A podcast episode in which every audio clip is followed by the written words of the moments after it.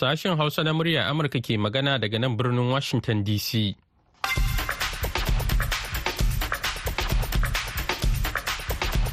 Masu sauraro Assalamu alaikum barkanku da asuba da fatan an wayi gari lafiya. Muhammad Hafiz Baballe ne tare da Murtala Faruku Sanyin na sauran abokan aiki muke farin cikin kasancewa da ku yau Juma'a 15 ga watan Disamba na shekarar 2023. Kafin ku ji abubuwan da muke tafa da su ga Murtala da kanin labarai. Shugaban Amurka Joe Biden ya bayyana zaɓen shekara mai zuwa a matsayin yaƙin ceton rai na kasarsa yayin da yaƙin neman zabensa ya karkata kan da'awar cewa ya inganta rayuwar Amurkawa.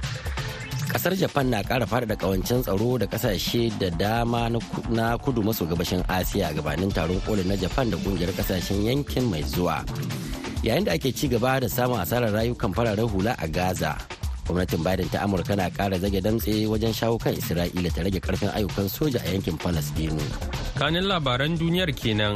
A cikin shirin namu ne za ku ji cewa bankin duniya ya bai wa najeriya shawarar ta kara farashin litan man fetur daga naira 650 zuwa 750 to ko me masana tattalin arziki ke cewa?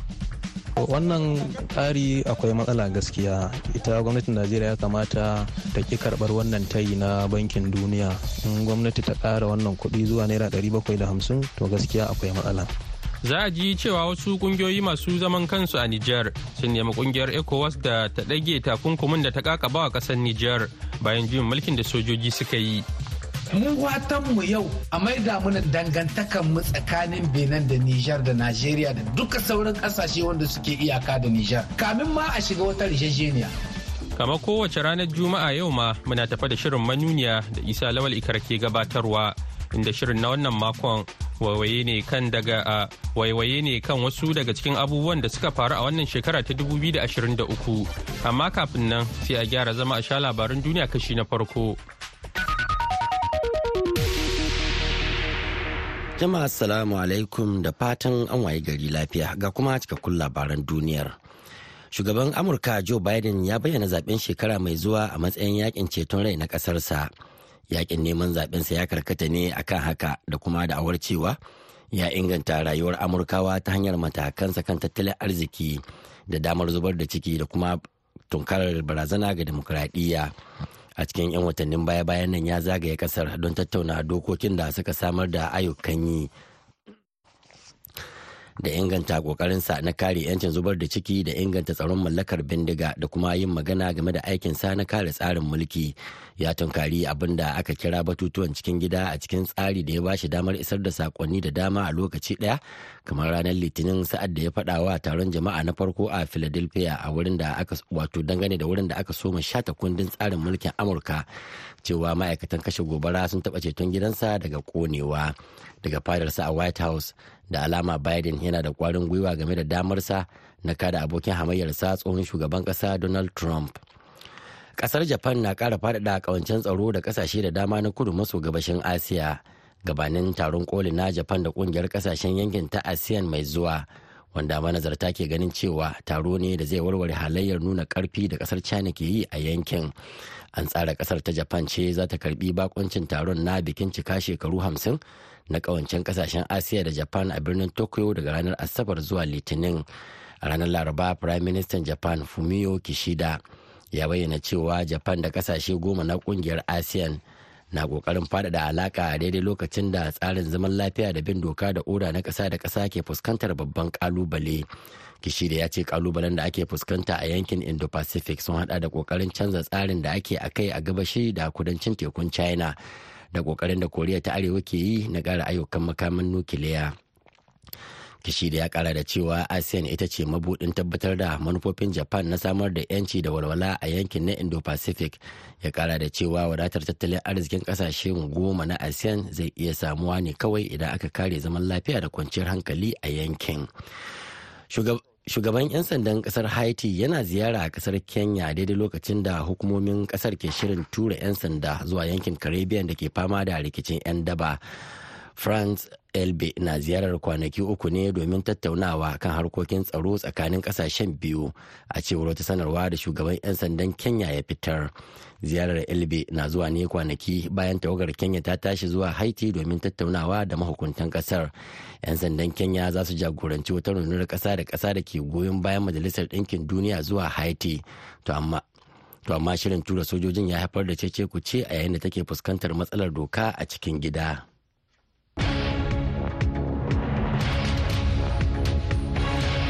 To madalla an jima kaɗan Murtala zai sake shigowa da ci gaban labaran duniya amma kafin nan bari mu buɗe taskar rahotanninmu daga Najeriya. Bankin Duniya ya ce bai kamata Najeriya ta sayar da litan man fetur a farashin naira 650 ba duba da yadda musayar kuɗaɗen ƙasashen waje suke a yanzu. Don haka bankin ya ce naira 750 ya kamata ta sayar da litan man fetur a ƙasar. Sai dai masana tattalin arziki a Najeriya sun ce wannan ƙarin akwai matsala. Bai kamata gwamnatin najeriya ta amince da wannan shawara ba saboda za ta shafi kowane fanni. Daga abuja ga rahoton da wakiliyar rukayya basha ta aiko mana. Bankin na zargin cewa har yanzu gwamnatin najeriya na biyan kuɗin tallafin man fetur idan aka yi la'akari da yadda farashin yake a yanzu bankin na duniya ta bakin wakilinta da ke kula da fannin tattalin arziki a najeriya alex sinat ya ce kamata yi gwamnatin najeriya ta sayar da litar man fetur akan farashi naira bakwai da hamsin saboda ya kasance matsaya ɗaya da yadda musayar kuɗaɗen ƙasashen ƙetare yake a ƙasar. Alex Sinat ya bayyana hakan ne a Abuja lokacin da yake gabatar da jawabin manufofin ƙasar ta farfadowa sabuwar manufa da kuma sakamako. Mr. Sinat ya kara da cewa idan muka kiyasta yadda farashin litar man fetur yake a yanzu da kuma yadda farashin canjin kuɗaɗen ƙetare suke za ka ga cewa gwamnatin ƙasar na biyan kuɗin tallafin man fetur domin Najeriya na amfani ne da kuɗaɗen ƙasashen ƙetare wajen shigowa da man fetur ƙasar. Sai dai masana na ganin wannan shawara ta bankin duniya ka iya mayar da hannun agogo baya duba da yadda rayuwa ke da matuƙar tsada yanzu a ƙasar. A cewar aliyu usman jibo masanin tattalin arziki kuma malami a makarantar koyar da malamai da ke jihar jigawa. Wannan ƙari akwai matsala gaskiya. Ita gwamnatin najeriya ya kamata ta ki karɓar wannan tayi na bankin duniya. In gwamnati ta ƙara wannan kuɗi zuwa naira ɗari bakwai da hamsin to gaskiya akwai matsala. Mun san halin da 'yan najeriya suke ciki kuma duk duniya ta yarda 'yan najeriya suna cikin halin kunci da kakana yi sakamakon ƙarin da aka yi a baya.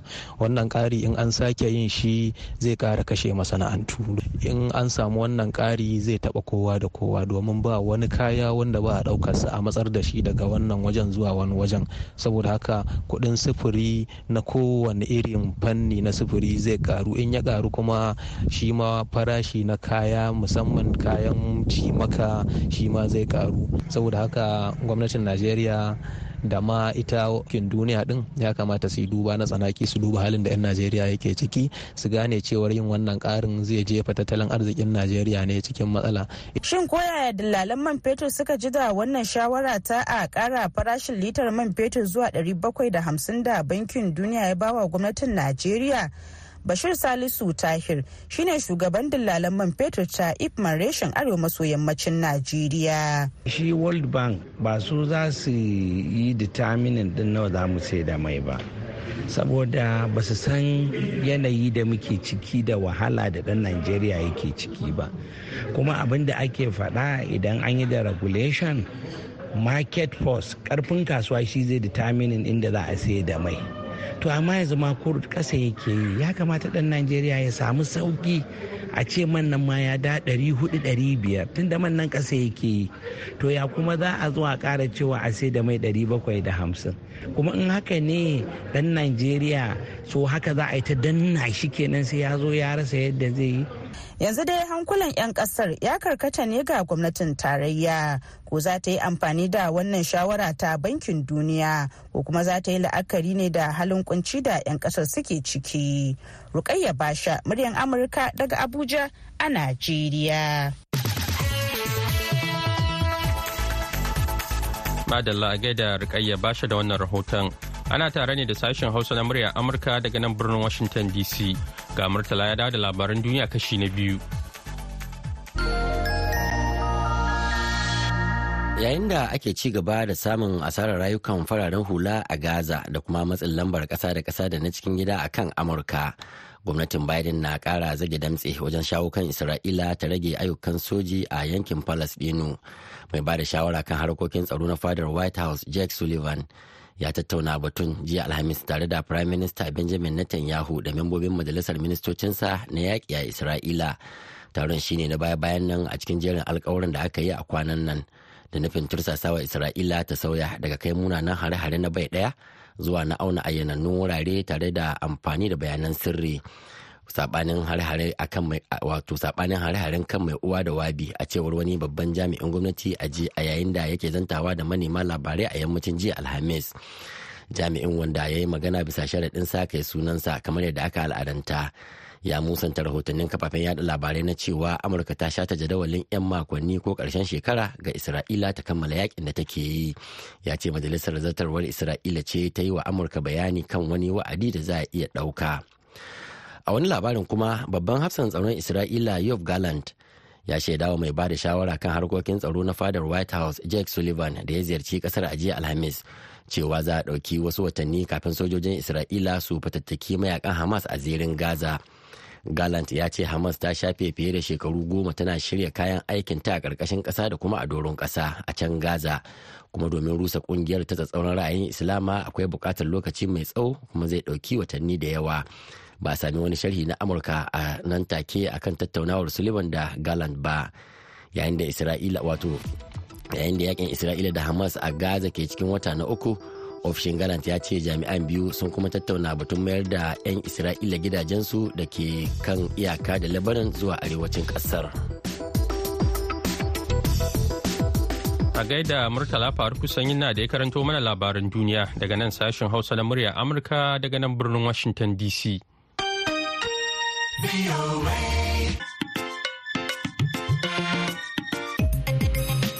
madalla yanzu kuma sai rahotonmu na biyu wasu kungiyoyi masu zaman kansu da ƙasar Nijar ne suka shigo Najeriya da kokon barasu ga Majalisar Dokokin Kasashen Yammacin Afirka inda suka nemi ƙungiyar ECOWAS ta ɗage takunkumin da ta kakaba wa ƙasar Nijar domin akwai abin duba a halin da al'umma suka shiga.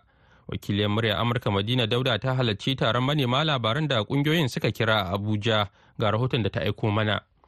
Shugabannin ƙungiyar Masaf ta ƙasar Nijar a ƙarƙashin jagorancin barista Rilwan Abdulrahman su ne suka yi tattaki zuwa birnin tarayya Abuja inda suka gana da 'yan majalisar ƙasashen yammacin Afirka domin ganin an ɗage takunkumi da aka ƙaƙabawa ƙasar wanda ya biyo bayan juyin mulki da sojoji suka yi a ƙasar watanni biyar da suka wuce. Barista Rilwan Abdulrahman ne ya karanta jawabin bayan taron. Mu mu yau a maida mana dangantakan mu tsakanin benin da nijar da najeriya da duka sauran ƙasashe wanda suke iyaka da nijar kamin ma a shiga wata rijejeniya shine kwata na farko recommendation wanda muka yi a buɗe iyaka kamin a fara rijejeniya na biyu muka ce a mai da wuta kamin a ce duka rijejeniya za a shiga. An taɓa rijejeniya cikin duhu kamar cinikin kura. Sannan na uku sun dahe kuɗin nijar yau da abunka baka ɗauka shine ake ce ma gel des avoirs. Da kuɗin nijar da yan nijar yau da kuɗin ka banki in ka je baka iya ɗauka yadda kake so.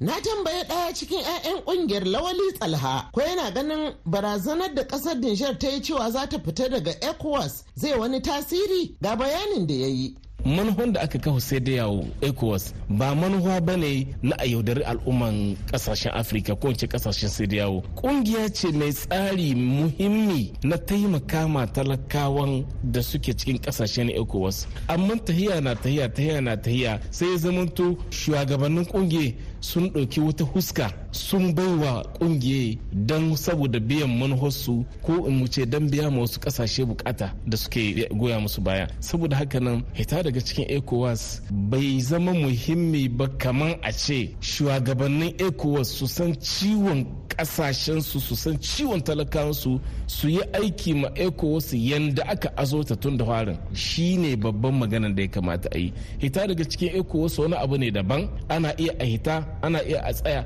Amma babban abin da ya kamata su shugabannin ecowas su sani sun juya mata huska. Ba huskar da aka azata bacci yanzu ake taya bisanta. Amma farfesa abdul fatah musa na ƙungiyar ECOWAS ya ce kwamitin na shirin zuwa ya gana da shugabannin Nijar.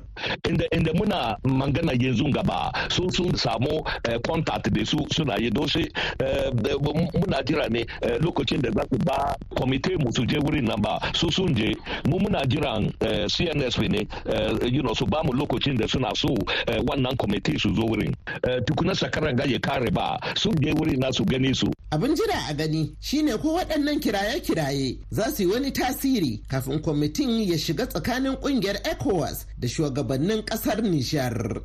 Madina Dauda, muryar Amurka daga Abuja, Najeriya. To madalla gaida Madina Dauda, yanzu kuma ga shirinmu na gaba. Manuniya.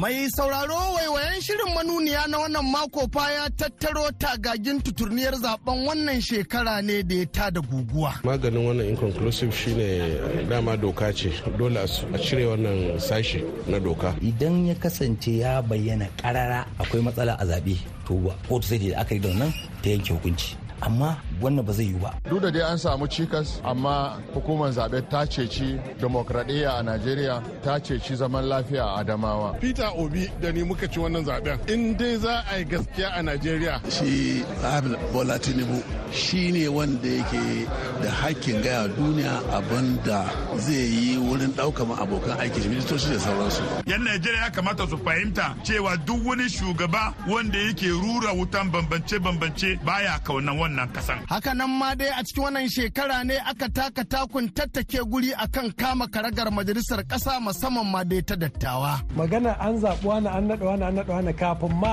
a rantsar da majalisar muna gani ya saba a ƙa'idojin demokradiyya da za mu lamunta. A baka san abin da ya faru lokacin tambuwal ba duk akan idan waɗannan mutanen aka yi. Yau in 'yan majalisa suka bijiri ba su saba ma tsarin mulkin ƙasa ba. Kada su yadda ko a tilasta su ko a san wata hanya da za a yi a ce sai shugabannin da shi shugaba Tinubu yake so su ne za su zama shu. Cacar bakin cikukuyar cunar cire tallafin mai a Najeriya ma ta sa 'yan ƙasa da dama kokawa. A wannan cire farashin tallafin mai da shi shugaba Bola Tinubu ya yi mun gano alamun cewa ya shigo da kafar hagu kuma ya fara saka da mugun zare. Cire mai tallafin nan zai sa waɗannan nau'i daban-daban da ake maganar mutane miliyan 133 suke wannan cikin wannan talauci na nau'i daban-daban to zai sake karuwa. Za ka je Nijar ka sayi mai a gidan mai 550 ko 600 a lita amma na bumburutu ya fi wannan na gidan man ana saboda na bumburutu daga Najeriya ake kawo shi. Waɗannan faso mun ta muka tattatso cikin tarin muryar da za ku za cikin wannan shirin waiwaye na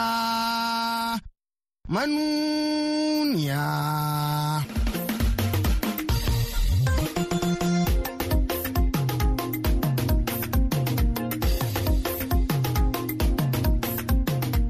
Mai sauraro Assalamu alaikum barkamu da wannan lokaci kuma sanin da sa'ar sake saduwa a cikin sabon shirin manuniyan da duk safiyar Juma'a yake zuwa. Shiri na ɗari da arba'in da takwas cikin shirye-shiryen manuniya amma fa na biyu a cikin jerin waiwayen da muke duba abubuwan da suka faru don mu yi tilawa. Tilawar kuma ita ta kai manuniyar wannan makon duba zaɓen shekarar nan ta dubu biyu da ashirin da ukun da aka ce yana cike da damban dambarwa. To ina ganin maganin wannan inconclusive shine dama doka ce da ko da an fasa akwati ko an yi overvoting duk wanda ya rinjaye ko da da kuri'a ɗaya ne shi ake sanarwa. Wannan dokar ta ce akwai wasu ka'idoji. So ni ina ganin bai yiwa zuwa gaba dole a cire wannan sashi na doka. Duk da dai an samu cikas an samu fitina amma hukumar zaɓe ta ceci demokradiyya a najeriya ta ceci zaman lafiya a adamawa. Saboda da an bar halayyan kwamishinan inec na adamawa da sun sa adamawa a wuta. Kusan dudan adamawa ya kamata a baiwa mutanen inec haƙuri. Wannan rashin fahimta ne da rashin sani akan cewa huɗu ne ya haifar da wannan abun. Kuma mutanen najeriya su kama shi shine mai hakkin wannan abun da ya faru. Mun ce ba a mana adalci a wannan zaɓen da ya gabata ba. Abinda doka ya ba mu dama mu shigar da kara mun shigar da kara muna nan kuma muna jira a dawo mutan najeriya da haƙƙinsu. Na ɗaya muka zo jihar da wanda suka ba yanzu alhaji tinubu ya shekara takwas yana gwamna. Mu muka ci wannan jihar. Birnin tarayya ba su ci kashi 25 a birnin tarayya ba wanda an saba wa constitution din najeriya saboda haka mun ce wannan shugabancin na da rauni. Ina nan kuma bakin abin da na faɗa peter obi da ni muka ci wannan zaɓen in dai za a yi gaskiya a najeriya in allah ya so yadda za mu shugabancin najeriya kuma za mu gyara najeriya. Wato sai an yi ƙoƙari a cikin dokar zaɓen a yi ƙoƙari a sa hakan. Amma abu ne zai yi kamar da wuya. A cikin wannan sabon dokar zaɓe ta fada cewa idan ya kasance ya bayyana karara daga takarda akwai matsala a zaɓe to a buƙata a kira shaidu kotu sai da aka yi da wannan ta yanke hukunci. Amma wannan ba zai yi ba saboda dokar zaɓe ita zaɓe take take da shi. Shaida kuma akwai doka daban evidence act. Kuma tabbatar maka ga kotu kotu za ta yi da wannan ba. Game da zaɓen shugabannin majalisun ƙasa kuwa wasu masu yunkurin ɗauki ɗora ne suka gabza karo da shan ruwan adawa. Wannan mataki da gwamnatin Tinubu ta ɗauka na cewa ita za ta kakaba ma 'yan majalisa shugabanninsu ba daidai ba ne. Na ɗaya dai majalisa tana da 'yancin kanta an nisanta ta da ɓangaren zantarwa. Na biyu kuma wakilanmu ne mu muka zaɓe su. Kuma daga lokacin da muka zaɓe su muka turo su abuja da 'yan majalisar dattawa da 'yan majalisar wakilai amana muka ba su. Kada su yarda ko a tilasta su ko a san wata hanya da za a yi a ci sai shugabannin da shi shugaba tinubu yake so su ne za su zama shugaba kin san dai kusan kashi saba'in da biyar na 'yan majalisar dattawa ba za su dawo ba. Kuma da yake akwai 'yan jam'iyyu daban-daban in aka hada su 'yan jam'iyyun nan sun mafi jam'iyyar gwamnatin yawa. Saboda haka in aka yi wasa abin da ya faru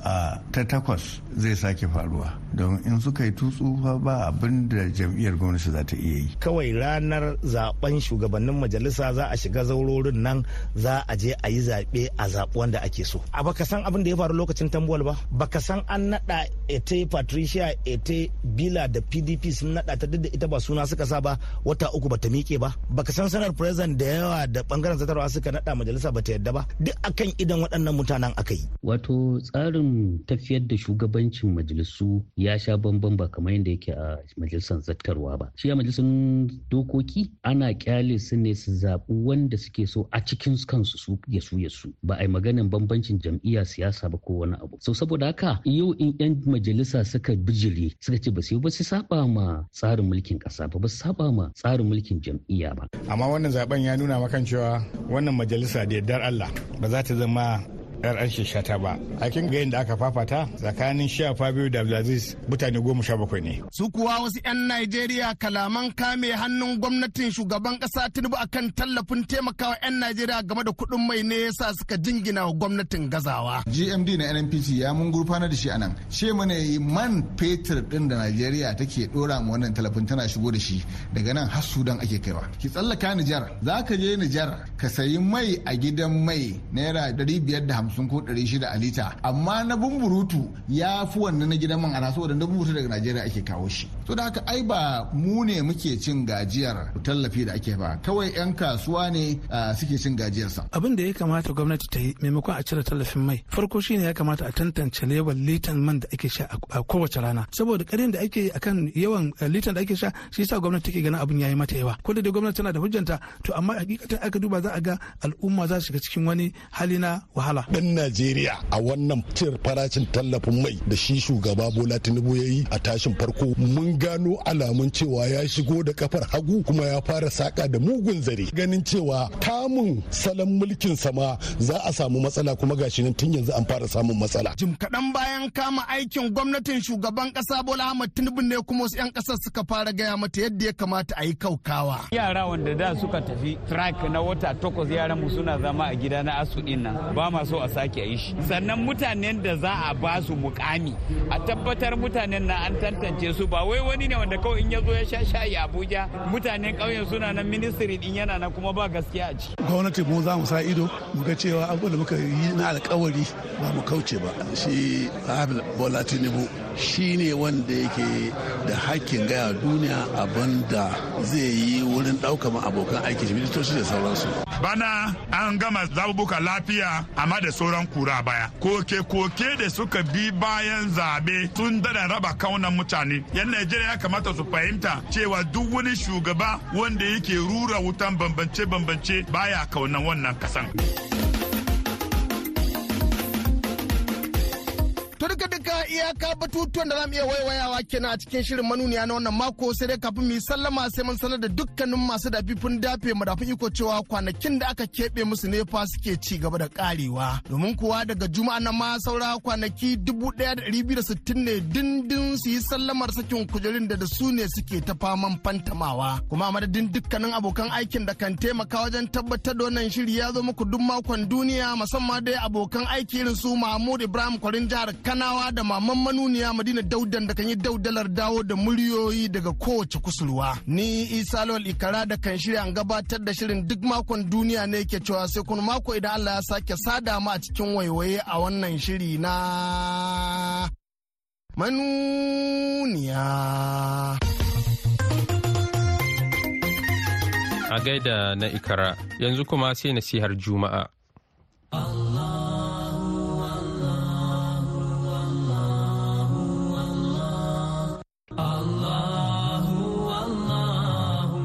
alaikum wa rahmatullah. Sunana Ibrahim Muhammad Duguri wakilin malaman Bauchi kuma shugaban majalisar malamai ta babban birnin tarayyar Najeriya Abuja. Dangane da abin da ya shafi a ce addini wanda Allah ya aiko manzo musamman da shi kuma da littafi cewa shi yana raba kai ko kuma yana kawo rashin fahimta tsakanin zamantakewar al'umma to sai dai in ba addinin ba ne amma addini na gaskiya wanda Allah ne ya aiko a yi shi to karantarwarsa shine haɗin kan al'umma. Karantarwarsa shine tausayin al'umma. Al'umma su zamo sun fahimci juna da wanda yake addini guda tare da wannan addinin musamman namu na musulunci da ma wanda bai fahimci musuluncin ba kuma ko da yana wani addini ne. To musulunci in muka dubi manzon Allah sallallahu alaihi wasallama yayi zamantakewa a garin Madina da mutane daban-daban. Daga cikin su akwai Yahudawa sannan kuma akwai mushrikan Larabawa waɗanda suke ba su musulunta ba. Baya ga munafukai da kuma al'ummar musulmi din to saboda haka addini yana karantar da mutane ne har in ba a fahimce ka ba a zo a fahimce ka. Amma in ka gana amfani da addini wajen kawo hatsaniya da kuma rashin haɗin kan al'umma to an kaucewa karantarwa addini din wasu bisa jahilci ne suke amfani da wannan dama su raba kan al'umma wasu kuma su ake amfani da su. Ma'ana a yi abin da ake ce masa divide and rule. Sai a kawo muku matsala da kusan daga ina matsala nan ta taso ba. Domin in ka bar ku akan karantarwar addinin ku a dunkule to wasu ba haka suke so ba. Hanya mafi sauƙi da za su mulke ku sai su raba kanku. Sannan kuma duk waɗannan abubuwan fakar mu mance jahilci shine ummul haba'isin su idan muka koma ga doron karantarwar littafin Allah da kuma sunan manzon Allah sallallahu alaihi wasallama ai ba za mu yi kabilanci ba. In ana tashin hankali ko fada addinin ma da kake yi ba za ka samu damar ka zauna ka yi shi ba. Mutane su daina amfani da addini amma manufar su ba addini ba. Wani zai zo ya muku roman baka ta hanyar siyasa misali musulmi ne yana tare da ku ko kuma shi kirista ne yana tare da ku alhali bai taimaki yan uwansa ma na gidansa ba musulmin ko kirista din. Yana samun wannan buƙata da yake nema a gurin ku to baka kara ganin sa kuma sai in shekarar zaɓe ta kewayo. Muna fatan Allah ka zaunar da mu lafiya. Madalla da fatan an amfana yanzu kuma sai labarai amma a taƙaice. a taƙaice shugaba Joe Biden ya bayyana zaɓen shekara mai zuwa a matsayin yaƙin ceton rai ga kasarsa wato yaƙin neman sa ya karkata ne akan haka da kuma da'awar cewa ya inganta rayuwar amurkawa ta hanyar matakansa na tattalin arziki da damar zubar da ciki da kuma barazana ga demokuraɗiyya. Ƙasar japan na kara faɗaɗa kawancen tsaro da ƙasashe da dama na kudu maso gabashin asiya gabanin taron koli na japan da ƙungiyar ƙasashen yankin ta asiyan mai zuwa wanda manazarta ke ganin cewa taro ne da zai warware halayyar nuna ƙarfi da ƙasar china ke yi a yankin. An tsara ƙasar ta japan ce za ta karɓi bakoncin taron na bikin cika shekaru hamsin na kawancen ƙasashen asiya da japan a birnin tokyo daga ranar asabar zuwa litinin. Shugaban 'yan sandan ƙasar haiti yana ziyara a ƙasar kenya a daidai lokacin da hukumomin ƙasar ke shirin tura 'yan sanda zuwa yankin caribbean da ke fama da rikicin 'yan daba. France elbe na ziyarar a ta kwanaki uku ne domin tattaunawa kan harkokin tsaro tsakanin ƙasashen biyu a cewar wata sanarwa da shugaban 'yan sandan kenya ya fitar.